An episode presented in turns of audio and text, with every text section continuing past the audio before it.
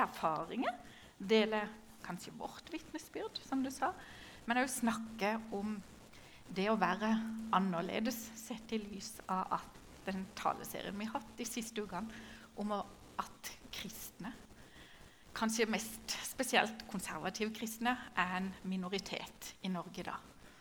Og det ligger der en smerte i, og det er det vi skal prøve å si litt om. Avisen Dagen hadde på slutten av 2019 en undersøkelse blant og om eh, aktive, det aktive Kristen-Norge.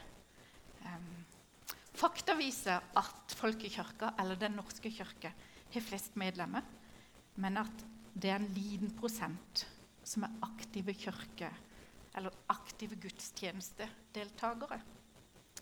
Og så er det en trend, viser den undersøkelsen, at bedehus og frikirke i større grad enn før overtar folkekirkas funksjon som åndelig hjem. Og så ville dagen vede mer om hvordan aktive kristne opplever å være aktiv kristen i Norge i dag. Drøyt 25% av de spurte opplever at det er vanskelig å være kristen i Norge. Og med tanke på de dype kristne røddene som fins i landet, så kunne en jo kanskje tenke at det tallet var litt lavere. Og så er det, det må vi understreke, det er jo ingen grunn til å tro og mene at aktive norske kristne opplever sin situasjon så vanskelig at det er relevant å sammenligne oss med land der folk blir forfulgt for sin tro. Det er jo ikke der vi snakker. Men vi snakker om at det er ganske mange aktive kristne som opplever en slags utenforskap. For det er ikke uten videre en sosial vinner å si at en er aktiv kristen. Og Derfor så velger kanskje mange av oss å ligge litt lavt med hva vi tror på. Og det er jo kanskje noe å tenke over i det angivelige, tolerante Norge. Mange opplever det krevende å fremme avvikende synspunkt i betente spørsmål. Vi finner eksempler på at konservative kristne ikke er ønska i enkelte jobber. Vi ser at det kan stilles spørsmål med statsstøtte til menigheter som f.eks.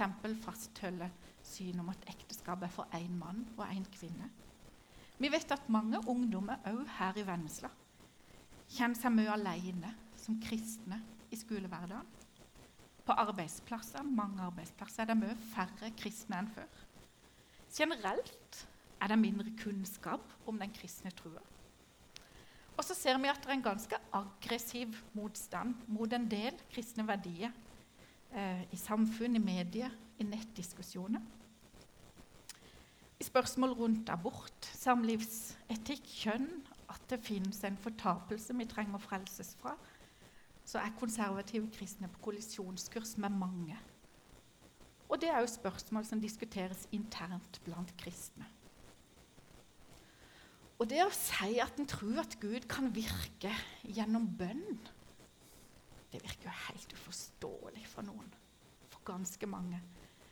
Det at noe er hellig, det at vi har en Gud som har all makt, det er ganske fremmed for veldig mange.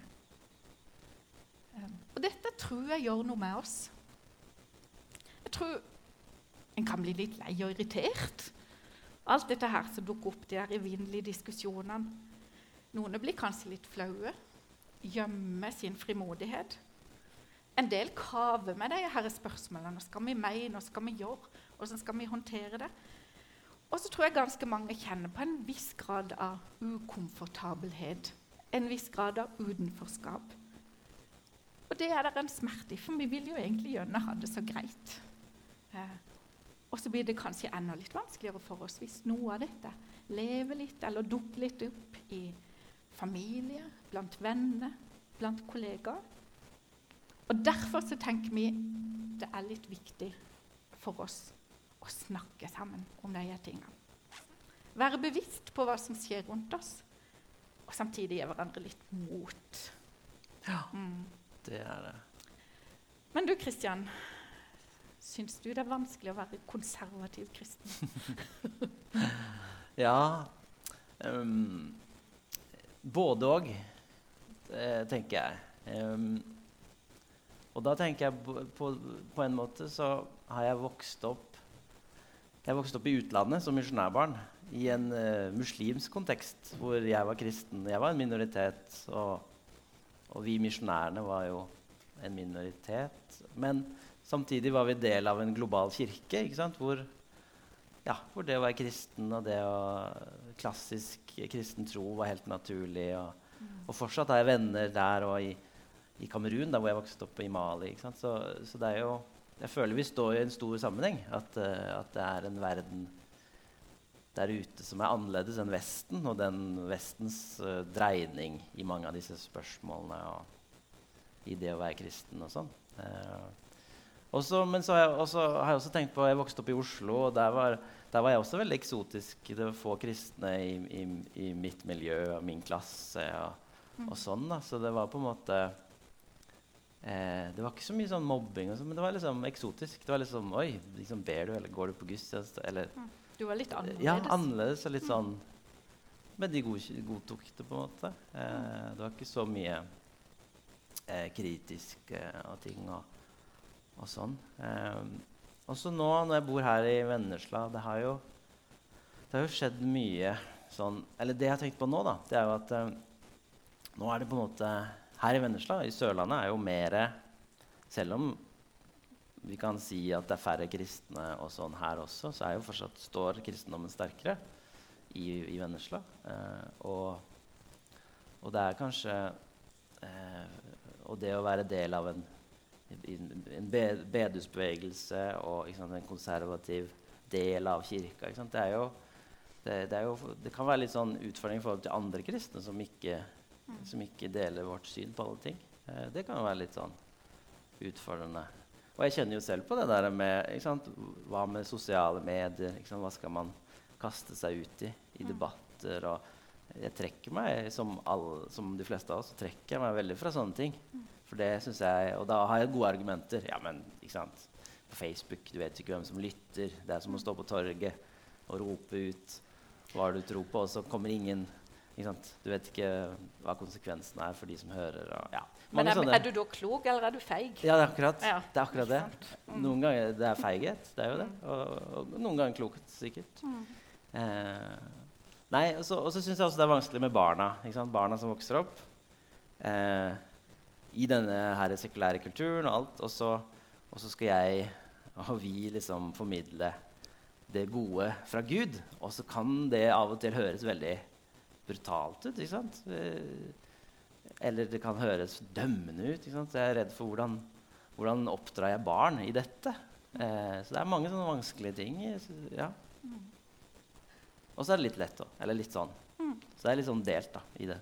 Jeg er jo prest, så da er det veldig sånn du, da er det ikke, ja, jo, Jeg jobber i en veldig kristen setting, og jeg har jo ikke den utfordringa med å være på et lærerværelse eller i en pauserom hvor, hvor man blir eksponert for alle typer meninger. og sånn. Det er jo vi veldig jo, homogent. Ja, vi ber jo. Vi har stabsmøte i morgen hjemme hos deg. Og, så er det bare koselig, det. så, så, vi er jo Eller i hvert fall jeg er veldig sånn. Mm. Ja. Mm. mm. Og du da, Anne? Hvordan uh, opplever du det? Ja, eh, både òg.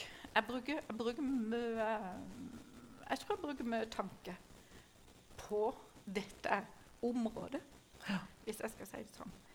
Um, jeg syns for det første at det kan være litt utfordrende bare å, eh, og på godt og vondt egentlig, å gi Jesus videre i et samfunn, i en kultur, eh, der kristendommen ikke er det samme fotfestet som før. Og så er det noen positive muligheter i det som vi ikke har hatt før. Og så er det òg noen krevende utfordringer, for en må begynne liksom helt sånn på scratch. Mm, ja. Og det er så totalt fremmed mm. for mange. Så det er jo som som leder og i en menighet og som kristen, så er jo det hmm, Hvordan gjør vi dette på en klok måte? Det bruker vi tanke på. Og så syns jeg jo det er ganske krevende å stå i det der spenningsfeltet mellom at vi tror at noe er sant, og noe er viktig, og noe er godt. Og så er det ganske mange som er uenige med oss i det. Um, og da er det f.eks. dette med abort, dette med samlivsspørsmål dette med kjønnsforståelse. Um, og så vil en ikke være fordømmende, en vil ikke dømme andre. En vil være en menighet som inkluderer, som er nådefull og sann. Mm. Uh, og den balansen der, den syns jeg er vanskelig. Sånn prak i, praktisk, Mm. i praksis. Det er lett å si det. Nåde og sannhet, Ja. sånn som Jesus. Ja, Men i praksis I praksis så, så er det vanskelig, for Mm. mennesket vil nesten uansett kjenne seg fordømt i noe av det vi mener. Mm. Um, så den er vanskelig å bevege seg i. Og så syns jeg jo det er vanskelig at uh, i dette så uh, Og òg i spørsmålet om to utganger av livet, um, så tror jeg det er ganske stor uenighet. Eller jeg vet det er Mm. ganske stor uenighet òg blant oss kristne.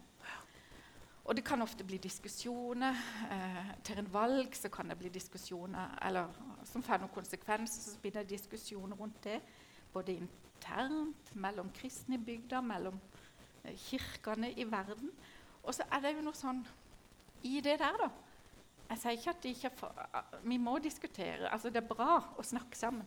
Men det er òg noen sånn kraft som tar fra oss noe frimodighet i dette, som smuldrer opp vitnesbyrdet Mm. som, oh, som, er, er, som er vanskelig. Mm.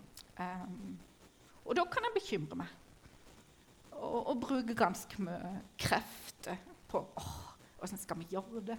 Åssen Hvordan skal vi møte den? Hvordan skal vi gjøre ditt? Åssen skal vi gjøre datt? Mm. Så, så, så der bruker jeg nok òg eh, en del tanke og krefter. Eh, og så syns jeg nok det aller mest vanskelig eh, altså, kommer etterpå det jeg ikke syns er vanskelig. bare så ikke vet det. det som er aller mest vanskelig, det er tenker jeg, å se at neste generasjon har et enormt trykk på seg. Mm. Um, og jeg kjenner veldig på ansvaret vi har eh, for å gi Jesus videre på en sann og sunn måte. Ta vare på dem, ruste dem. Og så skal vi beskytte dem, men så skal vi samtidig slippe dem ut i verden. Liksom. Hvordan gjør vi det som menighet? Hvordan gjør vi det som mødre og fedre, besteforeldre, tanter, onkler, voksne? Mm. Um, den, er, den er jo en liten nøtt, da. Men nå skal dere høre det som ikke er så vanskelig. I starten av dette året så er det et bibelvers i Salme 9 som har blitt veldig viktig for meg. Det er bare en liten setning. Og så står den der i Salme 9, helt til slutten La folkene forstå at de bare er mennesker. La folkene forstå at de bare er mennesker. Og det der har blitt i starten av 2022 da, veldig sånn frigjørende for meg. Eh, for jeg kan jo bruke mye tid eh, på å tenke, lese, grunne. Eh, hva, hvordan håndterer vi ting? Hva er klokt, hva er ikke klokt? Og så er jo ikke det så dumt. det er ikke det jeg sier. Men samtidig så ser jeg av og til at jeg kan gå i ring i dette. Jeg kan bruke masse eh, energi og krefter på de tingene. Og så minner dette bibelverset meg om da, at jeg er bare et menneske. Ikke sant? Ja, jeg er høyt elska. Ja, jeg er så verdifull at Jesus dør for meg.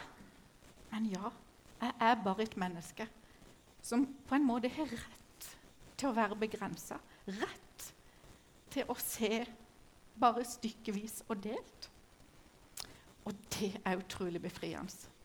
For da velger jeg å lene meg trygt og tungt på Bibelen.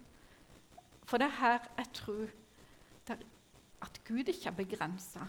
Eh, og det er her jeg tror han viser oss hva som er best, og hva han tenker best.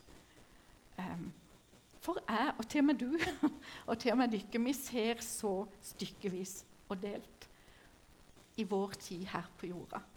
Um, og det gjør alle andre òg. Samme og kloke de virker å være.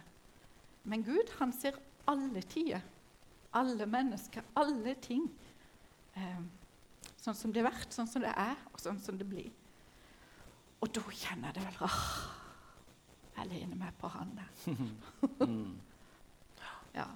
Ja, det er godt det. Å ha noe større og Gud som, som å lene oss på. Og, Mm. mm. Men, men um, nå har vi delt litt om liksom, litt sånn tanker vi har, og våre historier, eller vårt møte med dette. Men, men, men når vi ser liksom på samfunnet og på oss kristne, er vi så forskjellige, da? Eller er det liksom hvordan, hvordan står det til egentlig? Er vi ikke ganske vanlige, vi som er kristne og sånn, da? Og det Ja. vi tror på? Og jeg tror det er mye likt, for jeg tror vi er, vi er, vi er mennesker Mm. alle sammen og kjenner på det samme alle sammen. Men så tror jeg det er at vi kan se i tida vi lever i, da, at det er ganske På en del områder da, så er det ganske store forskjeller eh, mellom eh, klassisk kristendom og mellom verdi eller ting som råder i tida. Mm. Og det tenkte vi om vi skulle gå inn på tre områder nå. Og se litt nærmere på eh, Er vi et annerledes folk, eller føler vi det bare sånn? Mm. Og da skal vi snakke om individualisme. Vi skal snakke om sannhet og framtidshåp. Og så er det et hav av andre ting vi kunne snakke om. Og nå må du tease. Sånn. Å ja, tease, ja. Ja. ja, fordi i slutten av februar så skal vi ha en sånn søndagsskole for voksne. Det er søndag kveld klokka sju. Eh, hvor jeg og Anne skal fortsette litt denne samtalen. Og, og kanskje få med dere òg. Eh, jeg husker ikke akkurat dato. Jo, 26. Er det det? Februar? Det er en søndag, tror jeg. Ja. Eh, og da skal vi liksom snakke litt mer, men, da, også ta opp litt flere ting, kanskje. Fordi jeg, jeg har lyst til å snakke om den seksuelle revolusjon. Eh, det at eh, hva, hva utviklinga har gjort med tanken om seksualiteten. Eh, og her er veldig stor forskjell på klassisk kristen tanke om seksualitet og, og verdens tanke, da, eller samfunnets tanke om seksualitet. Blant annet. Blant annet. Mm. Men i dag er det altså individualisme. individualisme det er sannhet, og det er framtidshåp. Jeg begynner med individualismen. Um, I tida vi lever i nå, her og nå, så kan vi i filmer, i bøker, i reklame, i sosiale nettverk høre veldig mye om at vi må tro på oss sjøl. Vi må ta ansvar i eget liv. Vi må jobbe for å bli den beste versjonen av oss sjøl. Vi skal lytte til hjertet vårt, vi skal finne vår egen vei. Og det er bare du som vet hva som er rett for deg, og det er bare meg som vet hva som er rett for meg. Hvis vi ser litt tilbake Før industrisamfunnet så levde menneskene i faste, små samfunn som de ikke kunne bryte ut av. Og det var sånn at alle var avhengige av hverandre. Og så kom kapitalismen, og så kom industrialiseringa, og så brøyd dette opp de mønstrene på mange vis. Og Isteden ble menneskene sendt litt ut i verden som enkeltindivider. Og for noen så førte det til at de bukka under. De klarte seg ikke alene. For andre så ble det til stor frihet. Og individualismen førte til at vi, hver enkelt av oss, har stor frihet til å utfolde våre liv sånn som vi ønsker det. Men vi bærer jo samtidig et ganske stort ansvar hvis vi mislykkes. Og for noen så har denne individualismen ført til at det har blitt vanskeligere å finne tilhørighet og fellesskap. Det er veldig mange rundt oss som opplever ensomhet, som opplever at de er rotløse og ikke hører til. Men altså på den ene sida frihet og mange muligheter. På den andre sida stort press for å lykkes. Og at mange sliter med å finne flokken sin. Mange sliter med å høre til. Mange er alene. Kristen tro, da, i møte med dette. På den ene sida sier kristen tro at vi er syndere som ikke strekker til og ikke skjønner vårt eget beste. På den andre sida sier Bibelen at vi er høyt elska, vi er umistelige. Vi er så dyrebare at Jesus sendte sin sønn til verden for å frelse oss. Vi har en enorm verdi, sier Bibelen til oss. Og den er like høy om vi lykkes eller om vi mislykkes i livet. Vi har et stort ansvar for det vi har fått. Men vi trenger ikke bære våre nederlag og vår mislykkethet alene. Det er en som vil bære det med oss og for oss. Og I Salme 17 så står det også et sånn vakkert ord jeg, Der står det du gir meg din frelse til skjold. Med din høyre hånd støtter du meg. Du bøyer deg ned og gjør meg stor. Vi er ikke alene, sier Bibelen til oss. Vi er ikke, vi, vi er ikke bare verdifulle hvis vi lykkes i livet. Vi har en som gjenger sammen med oss, en som løfter oss opp og gir oss verdi. Verdi fordi vi er elska. Og Tiersyn sier jo på mange måter at det er bare du som vet hva som er rett for deg. Du må finne din egen vei. Det kristne menneskesynet gir hver enkelt stor verdi og stort ansvar, men sier òg at vi hører sammen. Og det er jo den andre sida av dette. I Efeserbrevet, i 1. Korinterbrev 12 og i 1. Korinterbrev 12 så beskrives det som om vi er deler på Jesu kropp. Altså vi er avhengige av Han og hverandre. I kjærlighetsbrevet i 1. Korinterbrev 13 så beskrives den uselviske kjærligheten vi skal møte hverandre med. I det største kjærlighetsbudet så opplever vi at, at Gud kaller oss til å elske seg, oss sjøl og hverandre. I bergprekenen så sier Jesus at vi skal være lys og salt, vi skal ta oss av hverandre, vi skal elske fiendene våre, vi skal gjengjelde ondt med godt, vi skal tilgi hverandre. Og det er et hav av bibelvers som sier noe om dette. Ansvar for hverandre, kjærlighet til hverandre, relasjoner med hverandre. Kristens tro står i en enorm kontrast til den reindyrka individualismen. Og ja, her er verdiene virkelig annerledes. Og den annerledesheten håper jeg skal prege oss i enda større grad. Men sannhet, da, Kristian? Ja, det er jo et stort, uh, stort spørsmål. Hva er sannhet? Mm. Og, og, der har jo også det vært en utvikling. Uh, vi kan jo bruke disse merkelappene at det har vært uh, opplysningstid, modernisme, og så har det vært postmodernisme. Og, og, det som har skjedd, er at de store sannhetene, på en måte, de store fortellingene, og de, sånn som du også nevner det med hvordan samfunnet var bygd opp, og, og hvordan kristen tro var jo en stor sannhet i, i samfunnet her eh, i Europa, i hvert fall. Men, men de eh, store sannhetene der de, de er blitt eh, bygd ned. Da, og, og blitt, man stiller spørsmål, er kritiske eh, til det. For, det. for det, det, er mye sånn maktkritikk. Da, at, eh, at, disse store historiene og sannhetene har hatt mye makt. Og, og folk har hatt makt. Og, og, det er man negativ til når man kommer inn i, i postmodernismen. og sånn. Og, så det handler mye om å ta ting fra hverandre, dekonstruere. Både språk, og, men også forståelser og tanker. og Alt skal liksom plukkes fra hverandre. Og så skal individet da, selv sette sammen sin egen sannhet eh, og ha mulighet til det. da.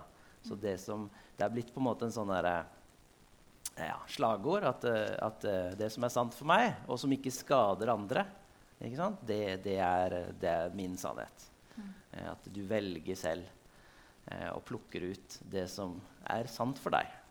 Eh, og, og, ofte så, så, tøyser vi litt med det ikke sant? Og, og sånn og, eh, i forskjellige varianter. Men det, men det, er faktisk sånn mange Kanskje ikke bevisst, men det har blitt sånn for mange. da, At, eh, at man, man, plukker litt her og der. Og så, eh, og så De der store sannhetene, fortellingene, de har mista sin kraft. Um, og mennesker bygger og lager sin egen sannhet. Eh, og dette er veldig grovt sagt. Det er masse å si om dette. Eh, men det som har vokst fram, da, eh, noen sånne eksempler på hva som har vokst fram pga. dette, det er jo eh, f.eks. konspirasjonsteorier. Nå, nå, nå, kan du stille spørsmål ved alle eh, autoriteter som, som, kommer med fakta. Er det fakta? Det at en lege som er ekspert og har forska, doktorgrad Det har ikke noe å si. Man kan alltid stille spørsmål ved en autoritet som sier noe om en eller annen sak. Da. Eh, og så finner man heller sin egen sannhet, eh, ofte på nett, for det er lett tilgjengelig. Og så kommer man med sin egen teori, eh, konspirasjonsteori på hvorfor det er sånn. Mm. Og det, det, var jo Før pandemien så fantes det jo masse det finnes jo egne podkaster som går gjennom alle sånne konspirasjonsteorier. Men, men, det er sånn tegn da, i tiden på at eh, Nei, nå kan folk velge selv da, hva de tror på, og, og bygge sin egen sannhet. Og det at noen har sant, fakta eller forskning eller, sant, Man stiller spørsmål om alt sånn. Eh, ting. Eh, en annen ting det handler jo om nyheter. Eh, liksom, fake news er jo blitt en sånn vi slenger ut stadig vekk. Og det ble jo personifisert med denne presidenten i USA. Eh, Trump. ikke sant? Han var jo eksperten på det. Eh, alltid stille Eller vær litt sånn eh, Ikke direkte kanskje si at noe var fake, men alltid være litt sånn stille spørsmål. Litt sånn Og slenge ut litt og hinte litt. Og, ikke sant? Og så har følgerne hans på en måte dratt det videre. Og så blir det også sånn at ja, men, dette nyhetsbyrået eller denne avisa de har en agenda, og vi kan ikke tro på det. Og, det, er, det, er, liksom eh, fake. Det er falskt. Det er ikke sant. Eh, og man stiller, stiller spørsmål da, ved alle sånne gitte autoriteter. Eh, og også ved historieskriving så kan det jo være litt sånn utfordrende. Hvis man i dag skal skrive historien som har vært, det som har vært, så kan man også falle litt sånn, liksom velge ut litt. da. Hva er det man forteller om? For det er jo utrolig vanskelig å fortelle historien om noe som skjedde for mange hundre år siden. For det er jo mange kilder om mye forskjellig. Ja, Ting kan være veldig sånn. Eh, og der også så eh, kan det være sånn eh, at noen velger eh, å gjøre historien mer passe sin sak, da, hvis man ønsker. Hvis, ja, kort sagt. Eh, men også der for eksempel, et eksempel er kanskje ikke bevisst, men mange lærebøker i Norge sånn for for uh, barneskole, ungdomsskole og videregående Når de snakker om kristen, kristendommen da, i middelalderen, så er det ofte sånn mytebasert. At, uh, for det er noen som har gått inn og sett på dette her. Det er uh, en som heter Bjørn Are Davidsen. og han har noe som heter fagsjekk.no i samarbeid med Laget. og han har gått inn og undersøkt hva sier de om kristen tro i, eller kristendom i middelalderen. Og sånne ting. Og da er det veldig sånn at nei, Kirka holdt folk nede. Kirka sant, lagde et eh, masse lokk, satte lokk på mange ting og hindra forskning og vitenskap og gjorde livet surt da, for mennesker. De fikk, fikk, ikke leve ut det de ønsket. Eh, og det er grovt. Det er veldig satt på spissen. Da. Men, mm. men når man ser på når, man, når, han og andre har sett på kilder, og sånn, så var det faktisk sånn. For kirka var de som løfta opp forskning, universiteter, eh, fordi man ønska å studere det flotte skaperverket. Gud har skapt verden, derfor vil vi undersøke hvordan er det eh, Så, så de, de, går gjennom fagsjekk.no, de går gjennom lærebøker og sender tilbakemelding, og, og, det skjer endring. Forlagene tar det til seg. Og, og ja, ja, ikke sant, også. Men det er, virker som det er en sånn myte da, om at kristendommen var sånn og sånn. da.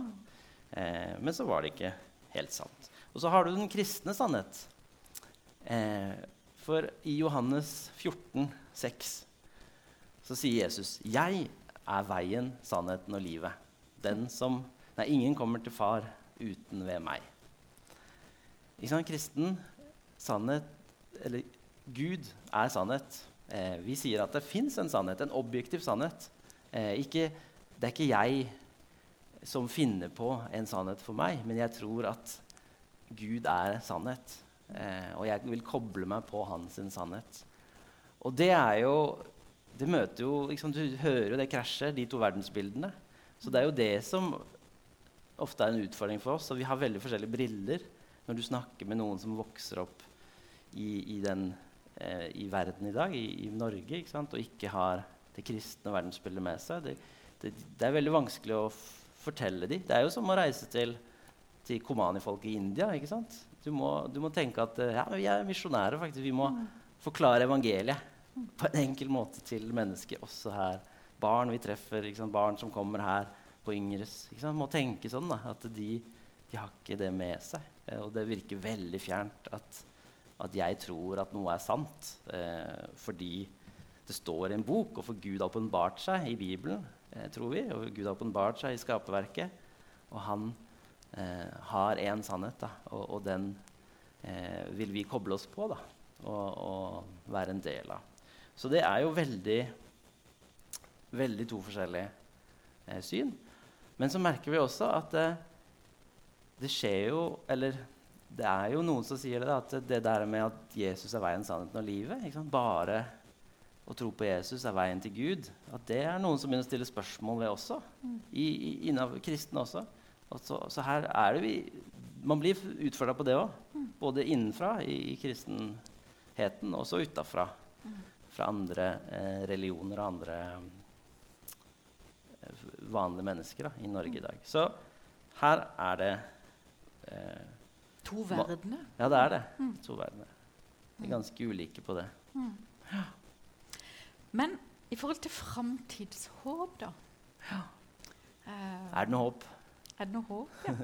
uh, jeg vil tippe at eh, Eller det er jo ikke bare å tippe, men jeg vil jo tro at trua på framtida har skifta Mm. mellom skiftende tider. Jeg vil jo tippe at under andre verdenskrig, um, når det var mørkt, det var brutalt, eh, så tror jeg nok at framtidshåpet og framtidstrua ble ganske utfordrende.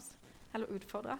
Og så tror jeg at eh, trua på framtida reiste seg når krigen var over, og velferdsstaten og alle godene, godene begynte å bygge seg, seg opp. Eh, men, men jeg leste her en plass at den herre trua på framtida, um, og at uh, ting går framover, at vi har et mål, den er egentlig dype rødde i kristendommen og i jødedommen. Mm. Og i Jesu forkynnelse. At, uh, at han forteller jo at en gang så skal, altså skal vi gå mot noe. Vi skal gå mot en evighet, vi skal gå mot paradis. Så, så det, altså røddene Mm. ligger jo der jo i, i kristendommen. Ehm, men, men, ehm, men i dag, da? Eh, hva tror vi på i dag? Sånn av framtidshåp. Ja. Hva gir oss håp? Nei, det er jo Hvis vi, hvis vi ser på trender i samfunnet, bare sånn korte Eller to ting jeg tenker på, det er jo at det fins både en sånn optimisme hos vanlige mennesker i dag om at ja, men vi, vi, vi mennesker vi har jo i oss selv kapasitet da, til å hanskes med, med klimautfordringene, f.eks. Via vitenskap og utvikling så kan vi løse det. Så det fins en sånn optimisme. Teknologi. Ja, teknologi og, og, og troen på at mennesket har jo At vi Dette klarer vi. Vi er jo så smarte. Mm. Eh, og vi har utvikla oss og blitt bedre. Og vi er, vi er bedre nå enn vi var for 2000 år siden, f.eks. Så, Vi forstår mer. ja, Ja. at det en sånn, men så er det også en pessimisme. Eh, Dette er jo, det er mange flere nyanser, men, Mm. men så er det også en pessimisme på Og spesielt kanskje med barn og unge. eller sånn, ikke sånn klima, Spesielt Greta klima. Thunberg Ja. er vel et godt Typisk eksempel. det er en sånn Mm. eh, et sånn eh, et raseri sant, på de voksne og på oss som har ødelagt, og at det er ikke håp, og litt sånn, sånn pessimisme. Eh, og, og, og frykt òg. Hos en del kan det sette seg litt sånn frykt for framtida. Hvordan skal det gå? Eh, og vi merker jo også sant, velstanden i Norge. Eller sånn, oljealderen den, den er på vei over, og, og vi er i en pandemi. Og, sant, hvordan, hva er framtida? Så det er jo selvfølgelig en sånn blanding da, av både optimisme men, Mm. men pessimisme. Men mange ganger så, så opplever jeg nok at vi tenker at det som er nytt, det er så mye bedre enn det som er gammelt. Ja. Det som er utviklende, er så mye mer enn det som er gammeldags. Mm. Er det alltid rett? Nei, det tror jeg ikke. Eh, eller jeg er i hvert fall sånn. Jeg tenker at eh, de mye mennesker, og via teknologi og hjelpemidler Ting har utvikla seg, og, og Internett, ja, sånne ting. Men samtidig, de følelsene jeg sitter med, de er jo mange av de samme som, som David, kong David satt med. ikke sant? Vi er jo mennesker som kjenner på begjær, kjenner på eh, lyst, kjenner på sult. Vi har behov, og vi Ja, så det er mye av det samme. Så jeg tenker Bibelen er like aktuell i dag, f.eks. For, eksempel. for selv om den er skrevet for mange tusen år siden, så er det jo aktuelle temaer som handler om mennesket og det å være menneske. Da. Og det lengte etter noe større enn seg selv, og det å høre til. Og, ikke sant? Det er masse sånn som er likt da, i dag. Mm.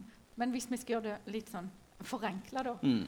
så tror vi både at det er en sånn sterk tro på, på at vi mennesker Ja. vi kan utvikle teknologi, vitenskap og selv vår moral, vår forståelse, Mm. eh, til å gjøre verden til et bedre sted. Eh, samtidig, kanskje mest i den yngre generasjonen, så er det eh, litt manglende framtidshåp. Mm. Det er krise. eh, vil dette gå? Mm. Eh, felles for de begge handler jo veldig mye om hva vi mennesker Mm. Gjøre Ja. og ikke gjøre. Ja. Mm. For det er jo som de tidligere tingene vi har sagt om individualisme og? Man har seg selv, egentlig, Mm. Mm. å stole på. Det kristne, eh, kristne håp eller kristen tro eh, er jo egentlig ikke et håp eh, En sånn optimistisk håp om at alt skal bli bedre av seg sjøl. Nei. Nei.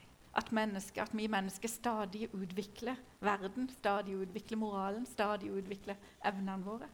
For Bibelen forteller oss jo om smerte, om lidelse, eh, at Guds rike vinner fram nederlag, gjennom nederlag og lidelse. Mm. Um, og det kristne håpet handler jo kanskje mest om at Gud er med oss i alt som skjer, og at han vil sørge for at det går bra til slutt. På tross av det vi opplever. Mm. Ja. Ja, og jeg tenker at, at ja, Jesus kom med Guds rike og, og, og planta det midt iblant oss. Og sånn, og det var på en måte liksom, Hvis vi bruker terminologi fra andre verdenskrig, så var det det dagen. Det var dagen hvor, hvor troppene gikk inn i Normandie og begynte kampen mot, uh, mot tyskerne. Jesus vant, eller han liksom angrep fienden og alt da, og han døde på korset og sto opp igjen. og sånn. Men victory day, ikke sant? Seieren er ennå ikke innkassert. At eh, Jesus skal komme igjen for å, for å gjøre alt eh, bra og perfekt og alt sånn igjen. Så det er fortsatt en tid, da, hvor, og vi lever her, da, vi som er kirken, vi som er kristne, vi lever her. Eh, og vi må på en måte peke mot det som Jesus gjorde. Eh, og så må vi også peke framover mot det som skal skje. da. At Jesus kommer igjen. Å, og det er håpet vårt. da? At vi lever i smerte her og i en fallen verden. Men, men Guds rike er iblant oss, så folk kan bli helbreda. Folk blir friske. folk? Men samtidig så blir mange ikke friske. Mange lider. Og vi lider. Kristne blir forfulgt rundt hele verden. Og, og sånn, For vi lever i en fallen verden. Men vi har et håp der framme om at en gang så kommer Jesus igjen og skal gjøre alt perfekt. Så her skiller vi oss òg. Her er vi òg ganske annerledes. Mm. Men hva gjør vi, tenker vi? Jo, da skal det gi fem steg til å, fem skritt til å forstå. Fem til å løse dette. Ja, ja. Nei, jeg tror at vi må fortsette å snakke sammen. Vi som uh, hører til i menighet og sånn, snakke om de vanskelige tinga. Snakke om de lette tinga. ikke sant? Ha eh, samtalene i smågruppene i, i fellesskapene våre eh, om, de, om disse temaene og masse annet. Men hvordan er det å være kristen og, og tro eh, i dag? Og så støtte hverandre. Det er jo, vi trenger hverandre. Be for hverandre. Være Eh, ærlige. Puste ærlige. med magen av og til. Ja. Og ikke kave så voldsomt. ja. Ja. lene seg på Bibelen, sånn som du fortalte om. At eh, i Bibelen, Guds ord, så, så har vi løfter, og vi har eh, veiledning og, og mye godt. Og det vil vi jo avslutte med, egentlig. Ja? Ikke bare egentlig, vi vil avslutte Ja. med det. For vi vil, vi vil dele noen løfter Ja. eh, som vi kan ta til oss i møte med når ting oppleves vanskelig, når vi er usikre. Når Mm. det inntar oss litt, dette her, ja. så skal vi lene oss på løftene som vi får i Bibelen. Mm. Mm. Så da, hvis eh, Nathanael setter eh, Setter opp den og Setter på noe musikk lavt, så vil vi gjerne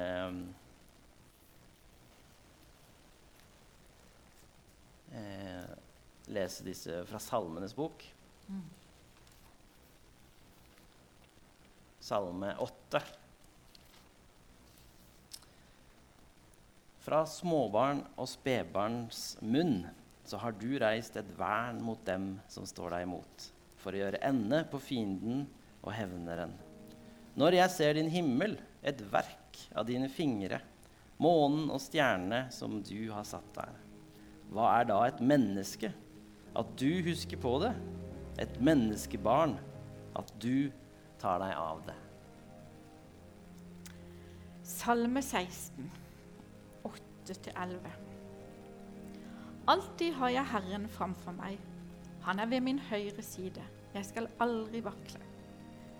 Derfor gleder mitt hjerte seg, og mitt innerste jubler. Selv kroppen kan slå seg til ro. Du overgir ikke min sjel til dødsriket. Du lar ikke din trofaste tjener se graven. Du lærer meg livets vei. Hos deg er glede i overflod, fryd uten ende, ved din høyre hånd. Salme 19. Herrens lov er fullkommen, den fornyer livet. Herrens vitnesbyrd står fast. Det gir den uvitende visdom. Herrens påbud er rette, de gjør hjertet glad. Herrens bud er klart, det gir øynene lys. Frykten for Herren er ren, den varer til evig tid. Herrens dommer er sanne, rettferdige er de alle. De er mer verdt enn gull, skinnende gull i mengder. De er søtere enn honning, ny og rennende honning. Måtte mine ord og hjertets tanker være til glede for deg, Herre, min gjenløser og min klippe. Salme 23. Herren er min hyrde. Jeg mangler ikke noe. Han lar meg ligge i grønne enger. Han leder meg til vann der jeg finner hvile. Han gir meg nytt liv. Han fører meg på rettferdighetsstier for sitt navns skyld. Om jeg enn skulle vandre i dødsskyggens dal, frykter jeg ikke noe ondt, for du er med meg. Din kjepp og din stav, de trøster meg. Du dekker bord for meg like foran mine fiender. Du salver mitt hode med olje. Mitt beger renner over. Bare godhet og miskunn skal følge meg alle mine dager, og jeg skal bo i Herrens hus gjennom alle tider. Salme 27.